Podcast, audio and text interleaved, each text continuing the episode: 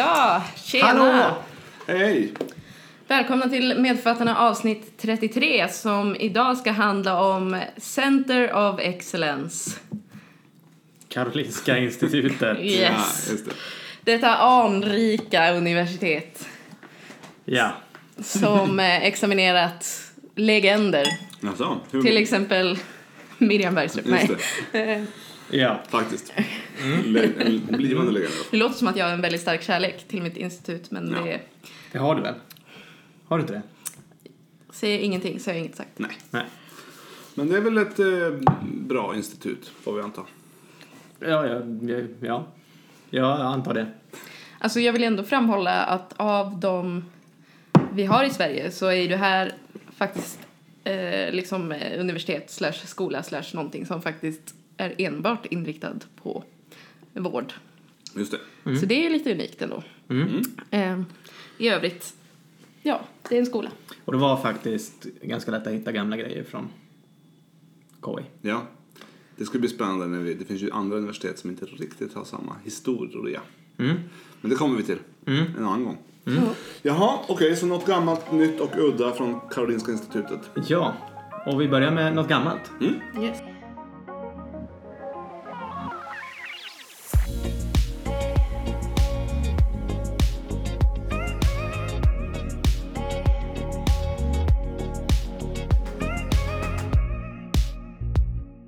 Ja, och nu har jag fått i uppgift här att läsa upp ja, de betydande upptäckterna vid Karolinska institutet. Eh, Det här är på intet sätt av egen fri vilja. Men jag tyckte du, av den, eftersom du valde den du valde så tycker jag att vi ändå måste bredda bilden lite. Ja. Nu drar vi en- ramsa här. Sänkningsreaktionen. Ganska stort. Ja. Används ju inte jättemycket längre. Ja, nej, okej. Jo, Du har typ tre Ja, diagnoser alltså, för det används ju mycket men det, men det finns ju andra saker som är lite mer heta. Okej. ja, det det är ju inte hett. Men när det- kom den? Nej, skitsamma. Det är från Jag vill, inte 1915. sänka, jag vill inte sänka den så mycket. Den, är viktigt, det är viktigt. Inte sänka Ibland sänkan. Ja. Ja. Eh, Sivert.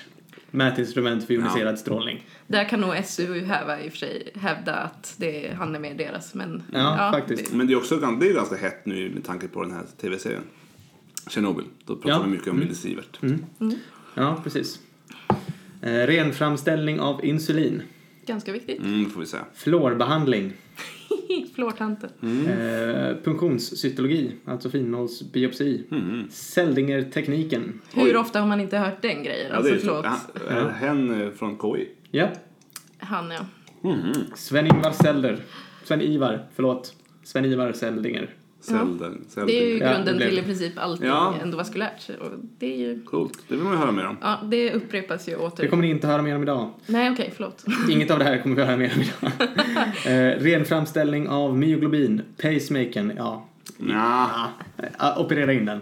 okej. Den men man- fram Ta fram är ju Ja. det viktiga. Det går ju inte att stoppa in den annars. Nej. Så att ta Precis. fram är ju... Men om man står med en pacemaker utanför kroppen, vad ska man, Nej, men vad ska man ha den, till? kan, det kan vem som helst göra. Okej då. Eh, kartläggning av näthinnan. Wow. Identifiering av noradrenalin. Mitokondriell medicin. Rolf Luft. Luftsjukdom, ett PBL-fall. Just det.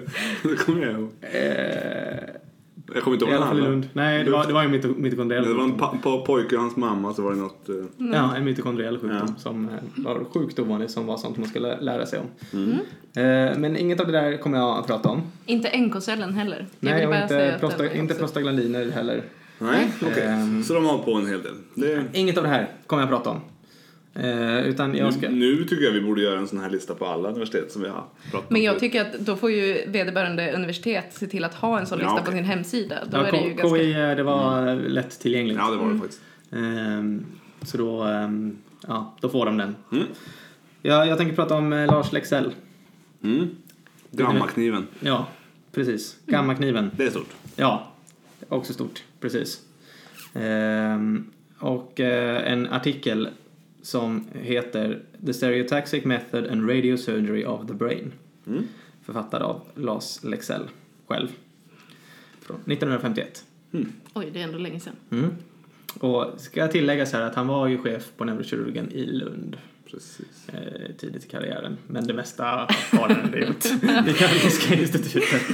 Jag tror kanske att ändå det här grunden Ja. så att säga, fröts. Men det var ju inte där i- han fick flyga riktigt va? Nej. De höll ner honom i Lund. Precis. Ja. Lexell, han var lärling hos Oliver Krona som är en annan sån här superkändis inom svensk neurokirurgi.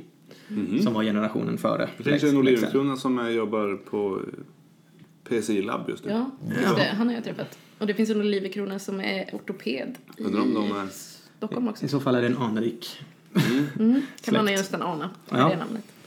Eh, och eh, precis han var lärling där någon gång på 30-talet och eh, i en sån här historisk berättelse om honom som var skriven av hans son Dan Lexell som är otolaryngolog, öron halsläkare.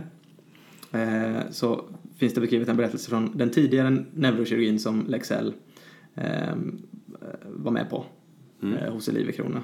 Om eh, en pojke med en tumör i bakre fåsan, eh, bakre skallgropen eh, som opererades med eter, eh, sövdes av portvakten.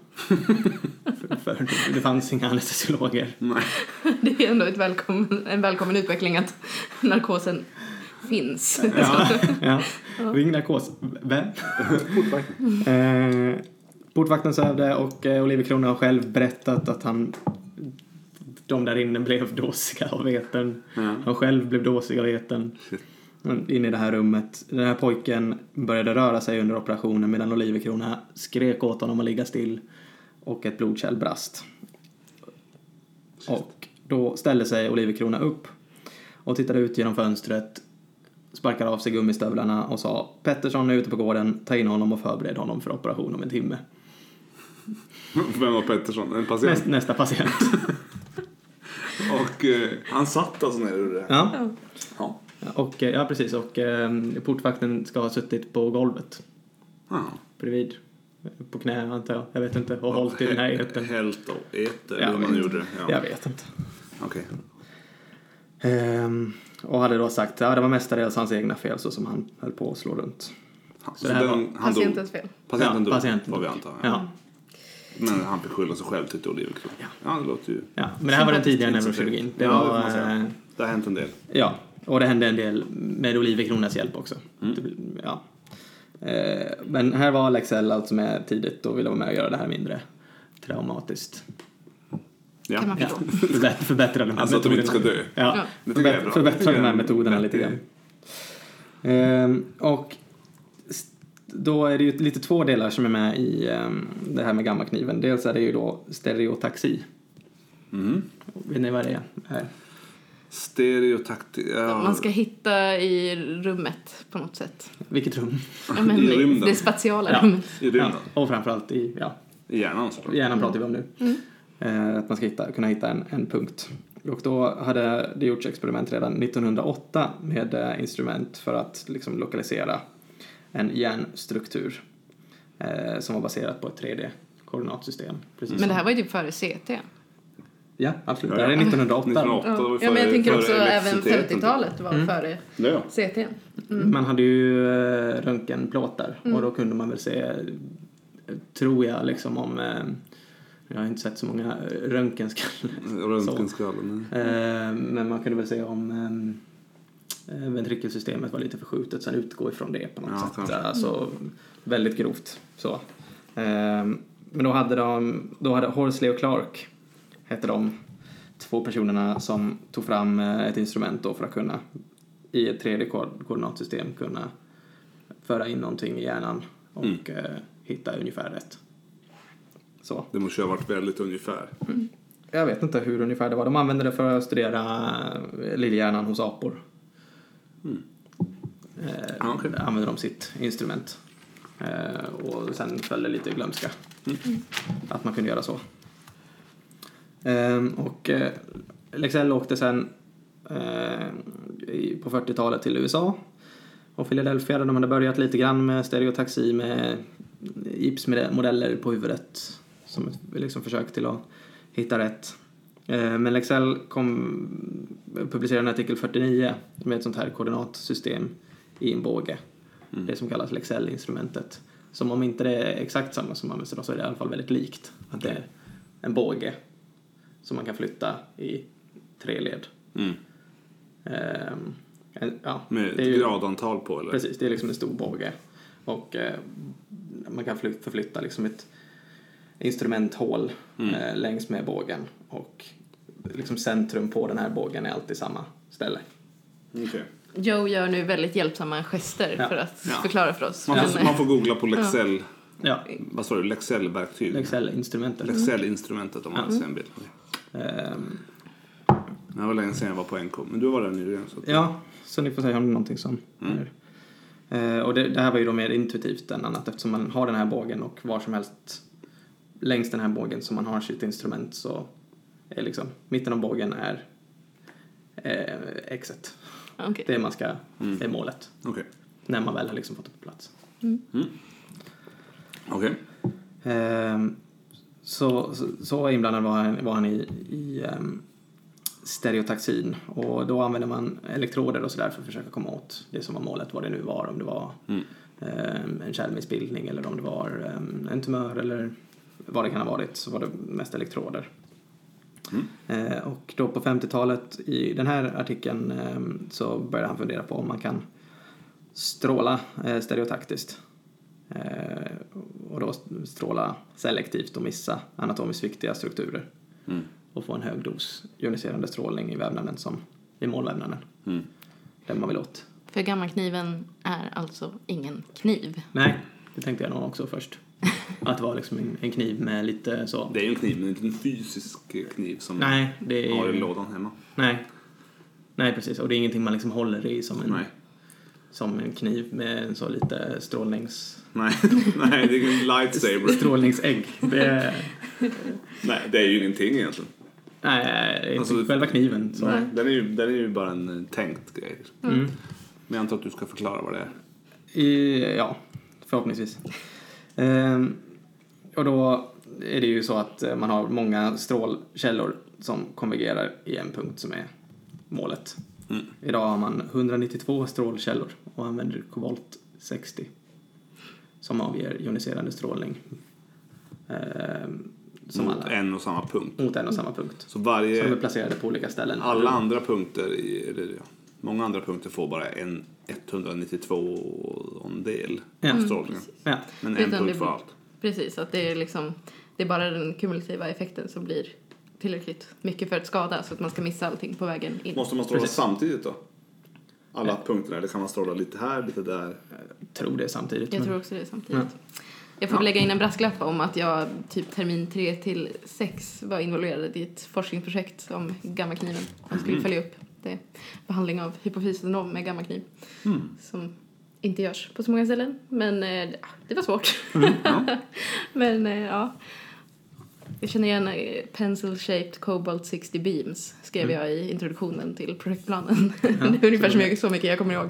Pennformade knivar eller Mm. något. Hur mycket saker det inte är. Nej. Pencil, ja. Okej, och ehm, man testade, men först testade man med röntgenstrålar. Och 51 då så testade man det här med, på två patienter med eh, kraniofaryngeom. Alltså goda, goda tumörer som brukar sitta eh, ungefär invid hypofysen ovanför eller i cella turcica, Så mitt i huvudet. mitt i huvudet. Inte så lätt att skära bort helt enkelt. Nej. Eh, precis, godartade tumörer med embryonalt ursprung. Eh, och eh, det huvudverkliga bes- mm, huvudsakliga besväret hos de här patienterna var huvudvärk. Eh, sen kommer jag få annat av Mm. kraniofaryngeom. Eh, men eh, då behandlar man dem med den här tidiga gammakniven då som använder röntgenstrålar och eh, de blev båda så småningom smärtfria Mm. eh, en tid efter operationen. Eh, dock hade det här röntgenröret låg effekt och det tog lång tid att stråla. Det var jobbigt och bökigt. Det var en stor röntgenstråle. Mm. Inte jättebra. Eh, och LXL pratade med en radiobiolog, Börje Larsson, eh, i Uppsala om att försöka effektivisera detta och ha någon bättre strålningskälla än ett röntgenrör. Mm. Eh, Så de började stråla jätter på Börjes bondgård. Som man gör. Ja, stackars getter, men också roligt. Så Ja. de, de strålade getterna, sen fick de leva fritt på Börjes gård. Så länge de levde. Ja, och sen när de dog av naturliga orsaker så snittade de upp dem och såg vilka lektioner man hade gjort. Mhm. När man hade strålat dem. Men då provar man med andra saker då alltså? Ja, precis. Ja, typ. Ja, för sen testade de eh, även hos patienter 1961, så tio år senare, Mm. eh, med, en, eh, med protonstrålning med någon slags cyklotron som jag inte riktigt vet vad det är. Jag vet att det finns en cyklotronenhet Mm. på sjukhuset någonstans nere i källaren. Ja, jag. jag, jag, Ja. jag ser framför mig någon stor sak som snurrar. Ja, jag, jag tänker mig att det är liksom analogt med en partikelaccelerator. Ja, ja. Det, tror det tänker jag också att det är. men Det låter ju absolut som att det ska vara någon, någon stor grej som, som skickar partiklar fort som fasken runt. Liksom. ja, det kanske Och är sen det. så sätter de alltid i en liten behållare så skickar de upp det till neurofys och så gör man lite... Via något rör så bara... Ja, nej, jag Så har ni en cyklotronenhet hos er så gå ner och fråga vad de gör. För jag vet inte. Ehm, det var också dyrt och svårjobbat. Ehm, det var li lite bättre med den här tredje patienten eh, som jag inte minns vad den patienten hade. Men det var dyrt och svårjobbat det också. Mm. Det var inte heller så smidigt. Nej. Ehm, och eh, någonstans här blev Lexell professor på KI. Ehm, och hade då systemet att patienter som skulle behandlas med någon form av gamma, gammaknivs, eller ja, det var inte gammakniv ännu, men eh, strålknivsbehandling. ehm, Fick stereotaktiska ramar i Stockholm och sen kördes de av Lexell i hans Daimler till Uppsala. I Börjes gård. Ja, nej inte till mig. I hans Daimler. Viktig info. Ja, han hade en Daimler. Jag ser inte så många Daimlers på gatorna. Nej. Ehm, och började då också göra försök med att behandla då um, arteriovenösa missbildningar också. Uh, ytterligare ett försök med en linjär accelerator, också någon form av strålkälla. Mm. Lång, långa liksom, lång period här med försök till att hitta en bra Men strålkälla. Linac används väl på alla ställen som inte har, eller alla ställen, på många ställen som inte har gammakniven. Vet ej. Jag bara känner, förlåt, ta mig Mm. inte på allvar. Men det, var, det, det, det tyckte man var för svårt, för svårjobbat. Mhm. Att det var inte tillräckligt. Det, det, det skulle vara enkelt för uh, kirurgerna, det ska vara så lite felmarginal som Mm. möjligt. Mm. Han gillade tydligen att säga, det är inte hans citat, men han, Lexell gillade tydligen att säga Fools with tools are still fools. Mm. Mm. Mm. Kan man ta vara- med sig? Ja, det skulle vara så enkelt som möjligt. Det låter lite CRM.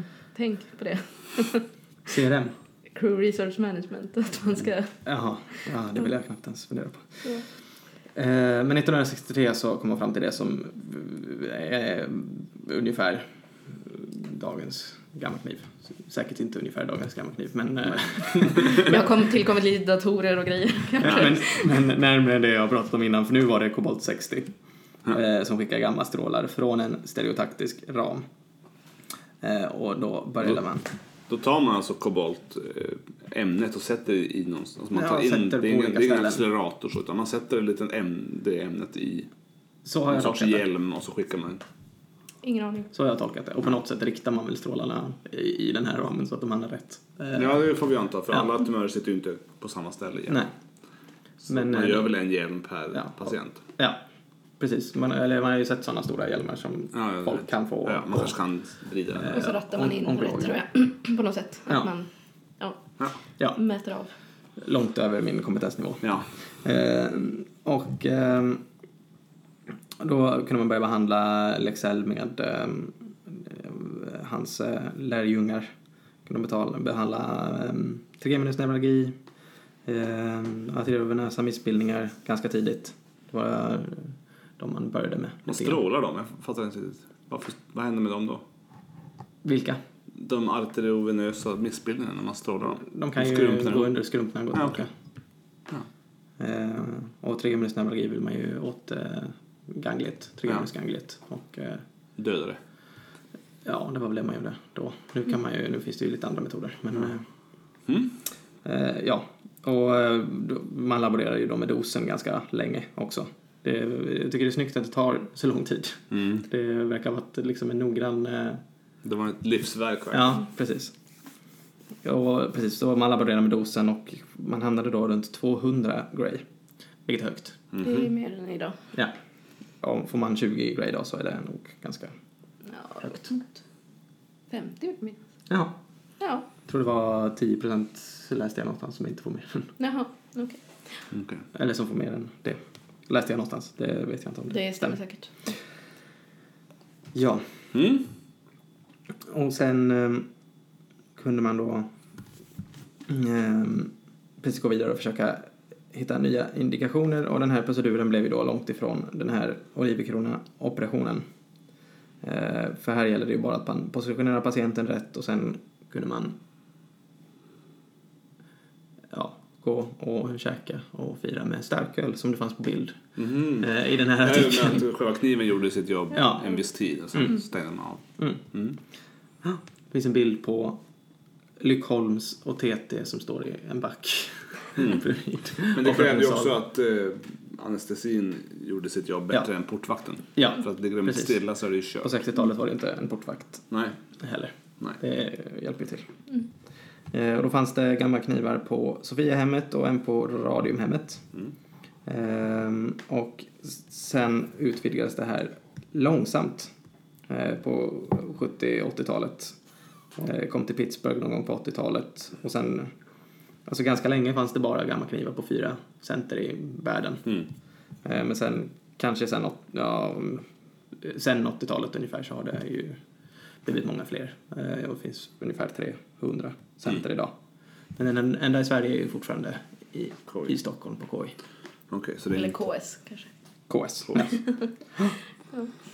Och eh, indikationerna har ju eh, utökats ganska rejält. Eh, Lexell själv ska tydligen ha varit skeptisk till att behandla metastaser men nu gör man ju det. Eh, behandlar eh, metastaser till hjärnan med gammaknivsbehandling. Mm. Eh, även primära hjärntumörer, både gliom och meningiom. Och sen akusticus neuronom, hypofystumörer, paragangliom, ependymom, kraniefaryngiom, arteriovenösa missbildningar, Mm. trehimlingsneurologi med flera. Mm. Och bara på KI i Mm. Sverige. Ja, Mm. Ja. det var lite unikt på det sättet. Men används det mer och mer eller mindre och mindre? Vad tror du? Vad är känslan? Jag vet inte. Alltså jag tror ju att det finns ju andra metoder som också har blivit Bättre. bättre Ja.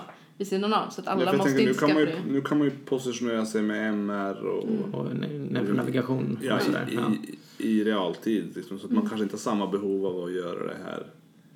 Men det handlar väl mer om strålningsmetoden kanske. Ja, men jag Alltså, tänker, man vill ju helst inte stråla kanske Nej. om man slipper. Men kan, kan man inte komma åt det på något annat sätt Nej. så Jag tänker måste strålningen. man ju stråla. Men jag tänker också att det är framförallt sådana som... Alltså man tar ju de som kanske inte är så supermalignt livsfarliga, du kommer ändå dö eh, så, utan om det men lite mellanläget Mm. där att du ändå kanske inte är villig att ta risken att operera och orsaka de Nej, skadorna okej. liksom. man, kan, man kan hjälpa lite, lite mindre sjuka Ja. människor. Mm.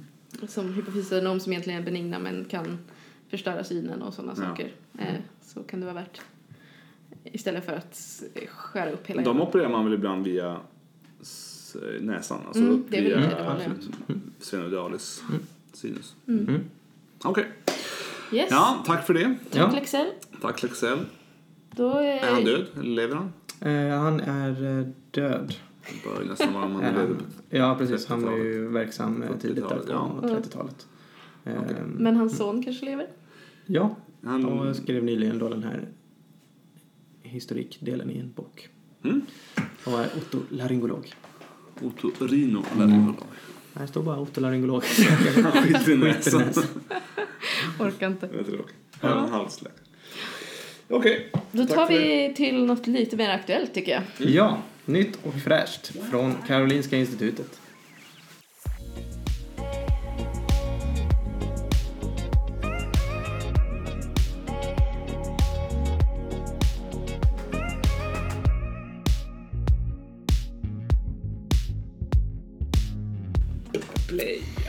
Alltså jag lovar om att ni har hört om den här artikeln. Alltså, den är, alltså det, det här märktes på hela, alltså sjukhusområdet, institutionsområdet. Luften skälvde Okej. när den här I Stockholm. landade. Ja, i Stockholm, men även nationellt, internationellt. Mm. Ja, det var stort. Vi får väl höra. Det är, jag pratar om en studie som publicerades eh, 2017 i september i New England Journal of Medicine. Ja, Alltså, vet inte hur omvälvande det är, men med dagens mått mätt en ganska stor grej. Jag pratar om studien om syrgas vid misstänkt eh, hjärtinfarkt. Mm. Den har ändå redan gjort ett ganska stort Mm. intryck och ändrat, ändrat alla guidelines som har funnits i kanske ett sekel i alla fall. Mm. Eh, KI kan väl inte ta ensam cred för den här heller men eh, han som är huvudförfattaren är verksam vid KI och den eh, finansierades av Karolinska institutet så att jag tar den. Eh, och det var alltså en eh, studie där man ställer sig frågan eh, om syrgas då, som har varit en del av rutinbehandling vid, så snart man misstänker eh, hjärtinfarkt i princip så har man bara smält på med syrgas för att man tänker ju att ja, eh, vad är en hjärtinfarkt? Jo, det är syrebrist i hjärtat. Om vi tillför mer syre så borde vi kunna optimera förutsättningarna. Eh, Men sen eh, började man ju klura på det där att eh, även eh,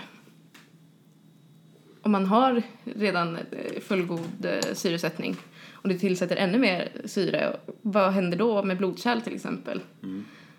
Och de eh, drar ihop sig eh, när det finns mycket syretillgång för att det ska sjuntas till någonstans där det behövs bättre, där det är liksom mycket mer koldioxid till exempel som tecken på metabol eh, aktivitet.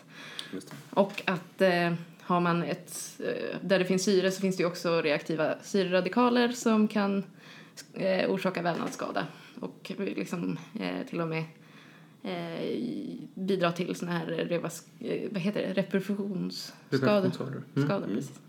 Och det här hade man ju liksom visat lite redan i Australien eh, i någon nu är vi också bland kardiologer så den heter såklart Avoid Trial Air versus Oxygen in Myocardial Infarction. Eh, när de tittade med, på folk som hade en etablerad ST-höjningsinfarkt. Eh, och där såg man att de eh, som hade fått syrgas där hade en större infarkt size eh, fast man hade randomiserat då. Ehm, och så hade det kommit något i Cochrane eh, där de hade gjort en sammanställning av många ganska små studier och inte hittat någon nytta av syrgas. Men man behövde ju då den här stora studien för att verkligen ta reda på hur det var. Vilken otroligt noggrann etikansökan det här måste ha varit. Ja, verkligen. Ja, men det finns mycket liksom om eh, considerations liksom som de var tvungna att dra och hur de fick randomisera. De fick inte blinda till exempel utan här är en open label. Mm. Eh, Men att- bara eftersom det är så superintuitivt och etablerat. ja. Ja. Ja. men de grundade sig mycket på det man hade sett innan och det man gjorde var man tog eh, eh, 6600 patienter ungefär och randomiserade till eh, rumsluft eller eh, syrgas, 6 liter i 6 till 12 timmar på mask. Mm. Och ehm, de skulle ha liksom ett, eh, eh, en saturation på 90% eller högre. Så att hade man eh, dålig saturation eh, när man Ja. kom i kontakt med vården såklart så då hamnar Ja. man inte i den här studiegruppen. Mm. Eh, och man skulle då ha antingen EKG-fynd som tydde på hjärtinfarkt, förhöjda troponiner och så, något sorts symptom skulle man också ha. Eh, så att man skulle ändå, det, är inte alla bara som tror att de har hjärtinfarkt utan det var ändå lite selekterat. Mm. Eh, Att det skulle vara ganska troligt att man hade det. Ehm, och sen eh, hade man endpoints var ju helt enkelt mortalitet inom ett år om man dog. Och sen också eh, rehospitalisering för eh, hjärtinfarkt också. Mm. Ehm, och det var, tydligen finns det 69 eh, sjukhus med eh, acute cardiac care facilities i Sverige. Jaha. Men 35 av dem var med i den här studien då. Mm. Och sen följde man upp det via eh, Swedeheart då. Eh, registret som täcker eh, alla sådana här ställen eh, som för in massa data om, det har vi pratat om tidigare, om Mm. de som får hjärtinfarkt. Mm. Mm. Ehm, och eh, det blir ju ganska mycket Vad, vad hette den här studien? Sa du? Ja, nu ska vi se. Oxygen therapy in suspected acute myocardial infarction. Men den är då från eh, när man launchade den här studien så kallar man den för eh, E DETO2X, alltså som i detox. Detox, ja. Eh, AMI. Eh, s- determination of the role of oxygen in suspected acute eh, myocardial infarction. Också kardiolog. Och jag ser här också vad Swedeheart står för. Alltså det är det ju. liksom, Swedish Web System for Enhancement and Development of e- Evidence-Based Care in Heart Disease Evaluated according to recommended therapies. Sweden. Men har, har, tryckte de verkligen in det? Ja, alltså de var verkligen, ja. Men alltså så länge det är lätt att säga om man fattar vad man menar så är det väl snyggt. Dit också jag. Swedeheart. Ehm, och eh, sen är det så, eh, har de en liten flowchart här att även om de fick 300, eh, 3300 i varje grupp ungefär så eh, finns det vissa som kanske fick hypoxemi under tiden de vårdades eh, och då fick de inte, eh, liksom, då exkluderades de. Eh, Ja, just det. och sen eh, var det några som fick syrgas som hade, liksom hade tackat ja till, det, till att vara med i studien och sen fick syrgasgruppen de som gav upp, de bara kände att nej jag vill inte ha syrgas Nej. längre. Och sådana saker. Och, eller change of clinical circumstances och sådana saker. Men det blev ändå ungefär, ja det blev 3000 ungefär i syrgasgruppen och 3200 i rumsluftgruppen. Mm. Ehm, Det är bra. Ja, och det hade de powerberäknat jättenoga och sådär och fint och fint. Eh, men eh, sen eh, så eh, ska vi se här. Det blev ju ganska, alltså de hade förväntat sig en mortalitet på 14 procent överlag. För det är tydligen det de extrapolerar från Sweetheart att får du en hjärtinfarkt så dör Så i 14 procent. syrgasgruppen då? Nej, ja, överlag. Ja, Eh, ja. Men alla, fått, alla fick ju syrgas före det här. Ja, Ja, precis. Ja. Eh, Men det, så det är liksom generella gruppen. Sen har du ju exklusionskriterierna här som gör att det blir en liten utvald grupp. För här blev mortaliteten ja, 5% i båda grupperna. Så det är mycket Men För lägre. då tar man ju bort alla som kommer in med en hjärtinfarkt som har, faktiskt har generell hypoxi. Ja, Det är väl ändå precis. förståeligt. Och vid hjärtstopp så har man fortfarande eh, får man ju syrgas Ja. liksom, och sådana saker. Och då blir de sjukaste i den gruppen. Och att man var tvungen att ge eh, muntligt eh, samtycke Ja. innan man skulle gå med. Och är du för dålig och inte kan ge muntligt Då samtycke. Eh, men faktum kvarstår, kvarstår ju att eh, det var ingen skillnad i eh, mortalitet i grupperna. Nu ska jag bara hitta det stycket exakt hur de säger det. There was no difference. Ja, precis. Säkert. Nej, men de hittade ju, de kollar ju också såklart i nationella patientregistret och eh, också i befolkningsregistret se om någon har dött.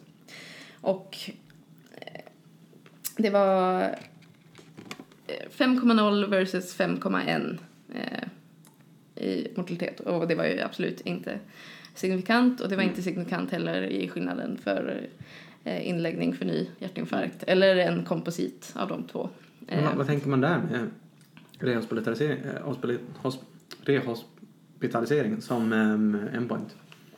Jag vet inte. Att man, man på något sätt blev sämre. hjärtinfarkter. För att man inte Ja. fick syrgas vid den första hjärtinfarkten. Mm. Nej, det känns, Det känns... ja, jag, jag vet inte, jag vet inte hur man har tänkt där. Mm. Det jag skulle vilja veta är ju, är ju infarktmassan. Det har de, alltså, Ja. det hade man ju velat se Ja, och det tar de ju upp att det är Det är för mycket kontro... MR.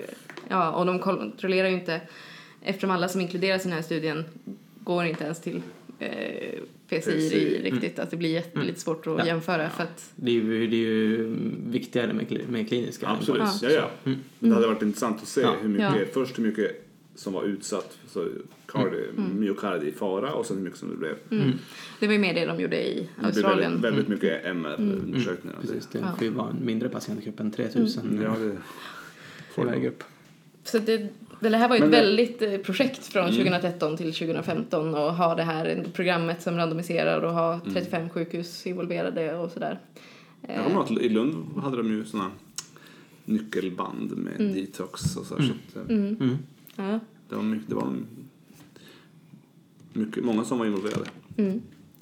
Och ehm, de tar liksom upp att så här, varför det inte gick att göra blindat eh, var ju att alltså i ambulanserna har vi ju ingen, vi har inte vanlig luft på tuber och liksom att det är oetiskt också att sätta eh, mask på folk. Mm. eh, Som till- inte tillför någonting Ja, förutom precis. luften som Nej. annars finns runt om. Ja. Det är oetiskt.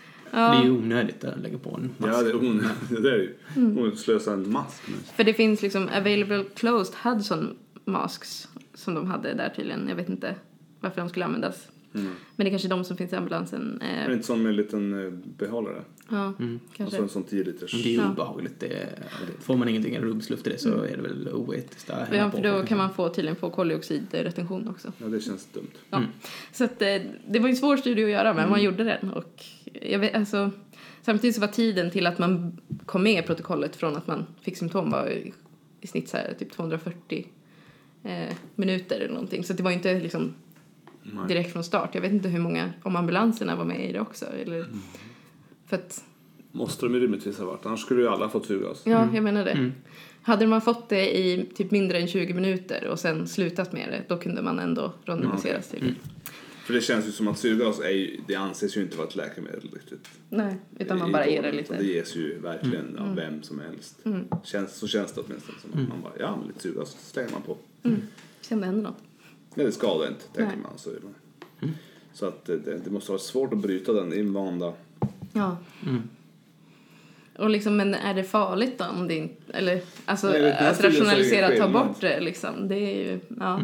Samtidigt så eftersom den, det blir ju återigen lite vetenskaps- vetenskapsteori här, eftersom de hade beräknat att det skulle vara en mycket högre mortalitet så blev den här studien lite underpowered för att hitta små skillnader Mm. eh, i det här. Men de, alltså, samtidigt är det svårt att veta om det är kliniskt relevant överhuvudtaget. Den här 5,0 versus 5,1 Mm. eller liksom 4,8 versus 5,3. Var, var drar vi gränsen liksom? Nej, precis. Mm. Men, Men eh, man behöver inte oroa sig om man inte har syrgasmasken på hela tiden. nej, man vill inte slänga sig på den om man har en okej. Eh, En bra så. situation. Nej. Vad, vad ger man annars vid akut hjärtinfarkt? Det är så här typisk läkarprogramsfråga. Vad man ger Ja. eller vad man gör.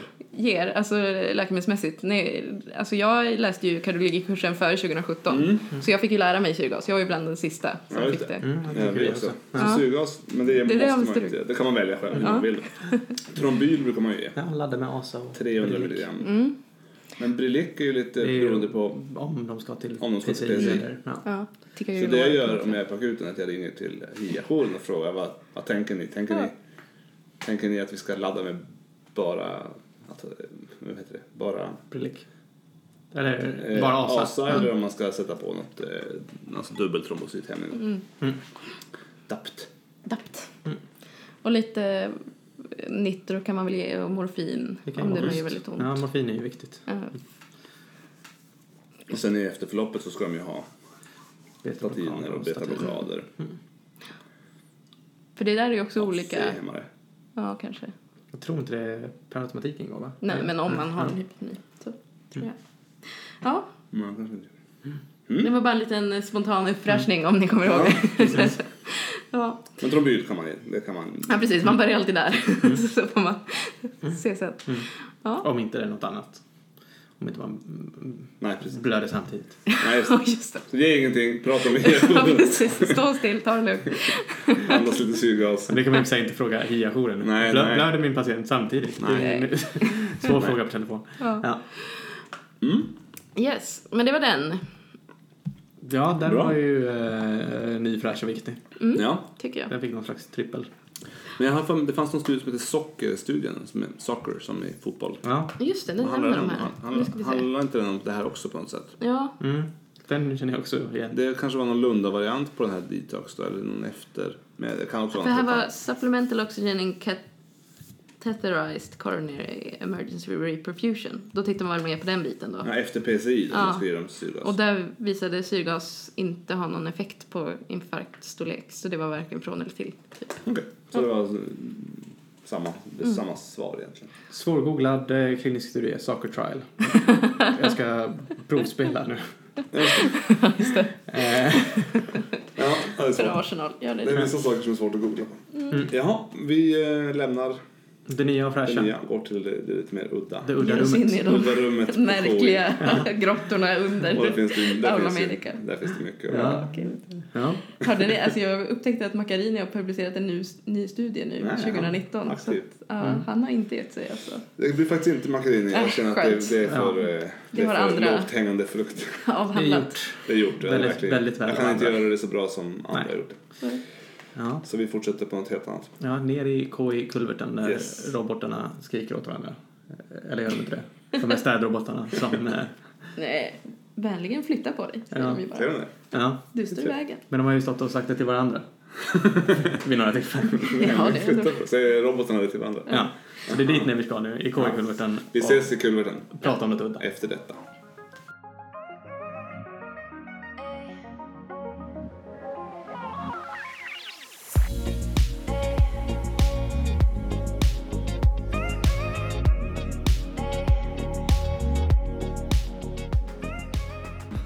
Ja, då eh, är vi nere i kulverterna. Det är lite så kallt och murrigt här nere. flytta på dig. Ja, där kommer en liten robot. Ja. Men vi ska röra oss lite bort här mot eh, den mörkaste gränden där borta. Där eh, en klinik eh, som heter de heter arbets och miljömedicin. Åh nej! Jag, förknippar inte dem med den mörkaste gränden. Nej, men man får ju gå, såklart gå upp. De, har, ju- de har ju också på, de är ju inte nere i kulverten. Nej. Nej, de har säkert nej, de har ju ett jättefint, säkert ett jättefin, jättefin byggnad. lagom mycket Eh, solljus så tänker jag så här. Ja, det får inte vara för mycket. Superergonomiskt inne på. Det får inte vara för mycket och inte för lite. Det ska vara perfekt. Alla har stå, stå eh, arbetsplatser. Tänker jag. Ja, det, det förutsätter jag. Och nu sitter vi och småskrattar här åt arbets och miljömedicin. De gör ju, jag gissar att de genom åren framförallt har gjort väldigt, väldigt mycket bra saker för, för världens arbetare. Folkhälsan. Eh, för folk, ja, men så, Ja. Som, ja. Alla metallexponeringar och... Det är inte, jätte, ja, Ja. det är inte jättekul och så, så de, flesta- ingen vill ju bli det. När man, det är ingen som tänker att jag ska bli Nej, arbetsmedicinare Det är till och med äldsta ST-läkare, alltså att man började en specialisering väldigt sent i livet ofta. Precis, det är, alltså, det är ja. väldigt få som säger ja, det ska jag i början på utbildningen, det jag ska bli Om arbetsmiljömedicin. man frågar termin ett, ett tvärsnitt Nej. av alla... Nej. Jag tror inte att det är någon som säger det då. Nej. Ja, någon kanske. Väldigt få. Men sen är det alltid några som blir det. Mm. Det är ingen som ska bli allmän eh, läkare, eller allmän, vad heter det? Allmänmedicinare, alltså Mm. vårdcentralsläkare heller knappt. Jo, men några... Det, Ja, men det är fler, väldigt få med tanke på hur många som blir det sen. Så det, är det är fler, så det är fler specialiteter som ingen säger termin ett också. Ja, absolut. Ja, ja. Ja. Det är det ju. I alla fall, det här eh, är då kanske, kanske inte faller in, in under de här sakerna som de har gjort som är bra för mänskligheten. Utan mer till Eh, Den här heter, det är en short report. Det tackar vi för. Den är skriven av Rickard Hedvig och Harald Ljung. Oj, är de så här släkt också? KI. Det kan man nog säga att de är. Två av dem jobbar, på, jobbar på samma ställe. Och den första här, Rickard jobbar, Rickard jobbar på eh, epidemiologienheten på eh, institutet för Varför har vi jobbar inom Environmental medicine. citationstecken? Ja, för de två andra jobbar kanske inte på Stocksunds skola utan jag skulle tro att de går på Ah. Stocksunds. Ah, åh, det är en Så sån min här gissning är att- härlig... He- Hedvig och eh, Harald är då dotter och son till Mm. Rickard. Det är min gissning. Ja. Men eh, det vet jag ju inte. Okej, i alla fall. De har skrivit en artikel här eh, som är skriven 2016 och publicerad i Journal of Occupational Medicine and Toxicology. Och den heter Is it worth 10 million working hours a year to have your toilet paper folded? Är det värt 10 miljoner arbetstimmar per år för att få din toalettpapper vikt? Vad tycker ni? Nej. Alltså, jag, jag gissar att vi pratar hotell här. Eh, ja, nej, det, det kan man ju. Alltså vikt som i... Alltså, Vikt, ja men vi kommer till det. Men För tycker jag ni att det är värt- alltså- något är- När jag jobbade som hotellstäderska så ja. var det ju då alltså vi- praxis att man skulle vika flärpen. som, ett, eh, som en pil? Ja, alltså man, vi gjorde det liksom som en trekant liksom. Det, tog, det var ändå, det gick relativt fort. Så Men, du tar toalettpappret, viker in eh, de två hängande hörnen så det blir en, en triangel som hänger ner, eller? ja, fast vi hade liksom mer diagonal över hela liksom. Men ni på skulle- ett veck. Ja, fast det var något, jag har till och med glömt hur man gjorde. Det var nog ändå ett antal steg i det hela. Men det skulle se, fint ut. Okay. det Jag var några... precis på toaletten här hemma hos er då, vi är nu i Malmö hemma hos Joe och Miriam. och noterade att det inte var något väck där. Och då, Nej. då blir man lite så här, jag tänker, ja, det, är det här städat här? Är Det är jag, den här för, standarden vi, är vi jag har. först på toaletten eller någon annan som har varit här tidigare? För att eh, som författarna här skriver att från, i deras eh, erfarenhet då, så är toalettpappret på det de kallar för branded hotels, så kanske, kanske lite finare hotell, jag vet inte. Att de är då vikta och jag bara kände när jag läste detta att jag fattade inte vad de snackar om.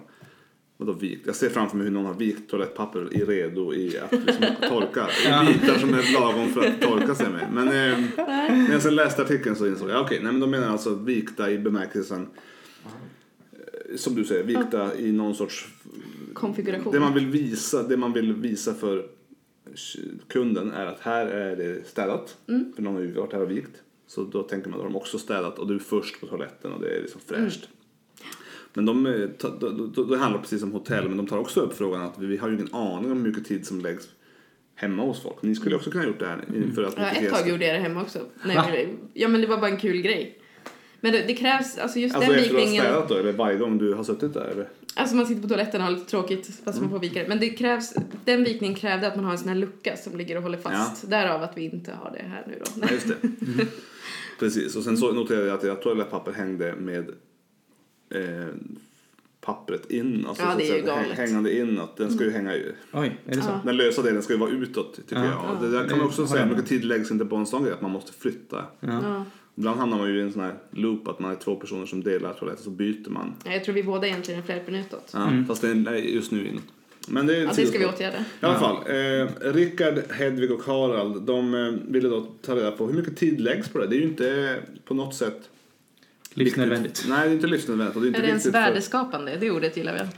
Ja, det är värdeskapande precis. De räknar ut att det finns ungefär 15 miljoner hotellsängar i sådana här branded hotels i världen och eh, de har försökt ta reda på att eh, beläggningsgraden är ungefär 50-70 procent. Bättre än sjukhuset. Ja, precis. Tur att vi inte gör det här på sjukhuset, skulle Ja. dyrt. Och sen, de säger ju själva att det är väldigt svårt att beräkna det här såklart. Men man måste gissa att det finns, det är ungefär de här siffrorna.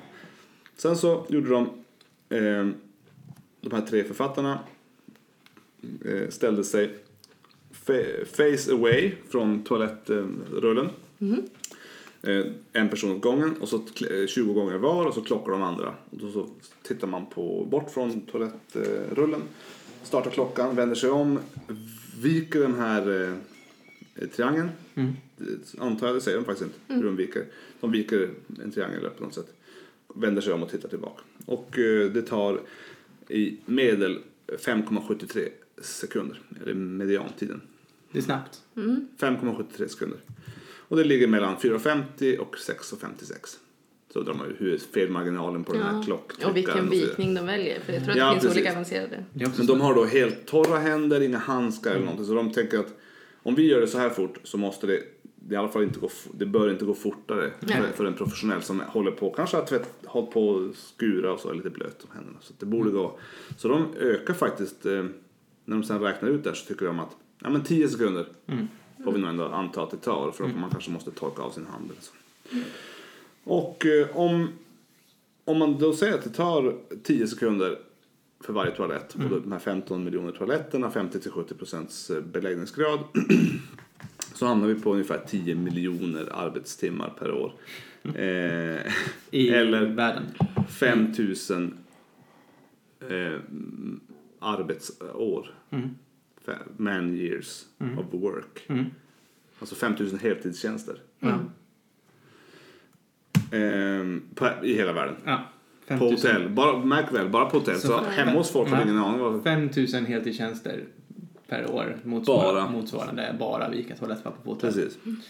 Och så har de ju har de en tabell här då med olika, olika om det skulle vara för lite om det är 50% eller 70% om det är 5 eller 10 sekunder och så där. Men det, är, det hamnar, hamnar som minst på 3,8 miljoner eh, timmar och som mest på 14,2. Så någonstans där mittemellan har de då lagt 10 miljoner.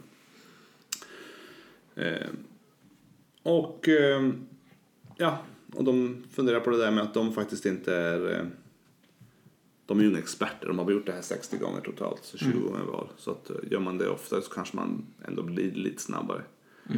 Men, Eller tvärtom. men, samtidigt, ja, men samtidigt så är man ju inte riktigt motiverad som de är. Nej, precis. De gör bara det här nu 20 gånger. Ska man göra det här hela sitt liv? Som en sidogrej. Men det här kanske också, alltså på ett sätt så det är ju, drar, lägger de någon värdering i det? För jag kände ju ändå när jag jobbade att det här var ju kanske det mest kreativa jag gjorde på en dag. också. Alltså att verkligen skapa någonting. En fin Ja. ja. När jag, jag papperskant. googlade lite grann på bilder eh, på det här. Det finns ju de som gör eh, helt magiska kreationer. Någon liten svan som tittar ut. liksom. Ja. Eh, Som inte, men det tar ju såklart mycket mer än ett måste Längre än fram. 4-6 sekunder. Ja. Det tar ju troligtvis många, många minuter. Ja. Men då, eh, då tillför det ju kanske verkligen någonting. Den här lilla väcket. Men jag tror ändå att alltså det är något speciellt när man kommer till ett hotell. Så är det, och så är det lite vikt. Det känns ändå, men man, man fattar ju att jag är först här. Det gör man ju. Man får ju göra någon slags analys kontra hur nöjd eh, kunden blir. Precis. Om man struntar i det här. Does Ja. spark joy? ja, precis. Jag skulle man tänka att, jag tror inte att man skulle tänka att eh, oj, det är någon som har varit Jag tror inte du skulle Nej. tänka på det överhuvudtaget Nej. om det inte Nej. var vikt. Alltså, Men nu, jag var ju på ett hotell för inte så länge sedan nu i, utomlands här eh, för några veckor sedan. Då fanns det en sån, det finns det ju ibland, en pappersremsa runt toalettlocket. Ni sett det? Oj, gud, jag tycker de är så äckliga. Jag vet inte, de ska ju vara sanitära men jag tycker det känns Nej konstigt. men alltså det, är- där det står typ välkommen hit eller något. Det är ju Jaha. alltså som är, verkligen som en plombering när du lyfter på Jaha, locket. en Så. sån, inte sån här skydd som Nej nej, läggs ut. alltså som en, eh, en eh, plombering på Ja, men, toaletten. så- Vi kan kalla det plombering. Men ett, ett, någon har öppnat på locket, satt en, en, en trä, nej förlåt, ett pappersring runt eh, locket och så stängt. Så när du öppnar så faller den loss på något sätt. Jag tycker synas.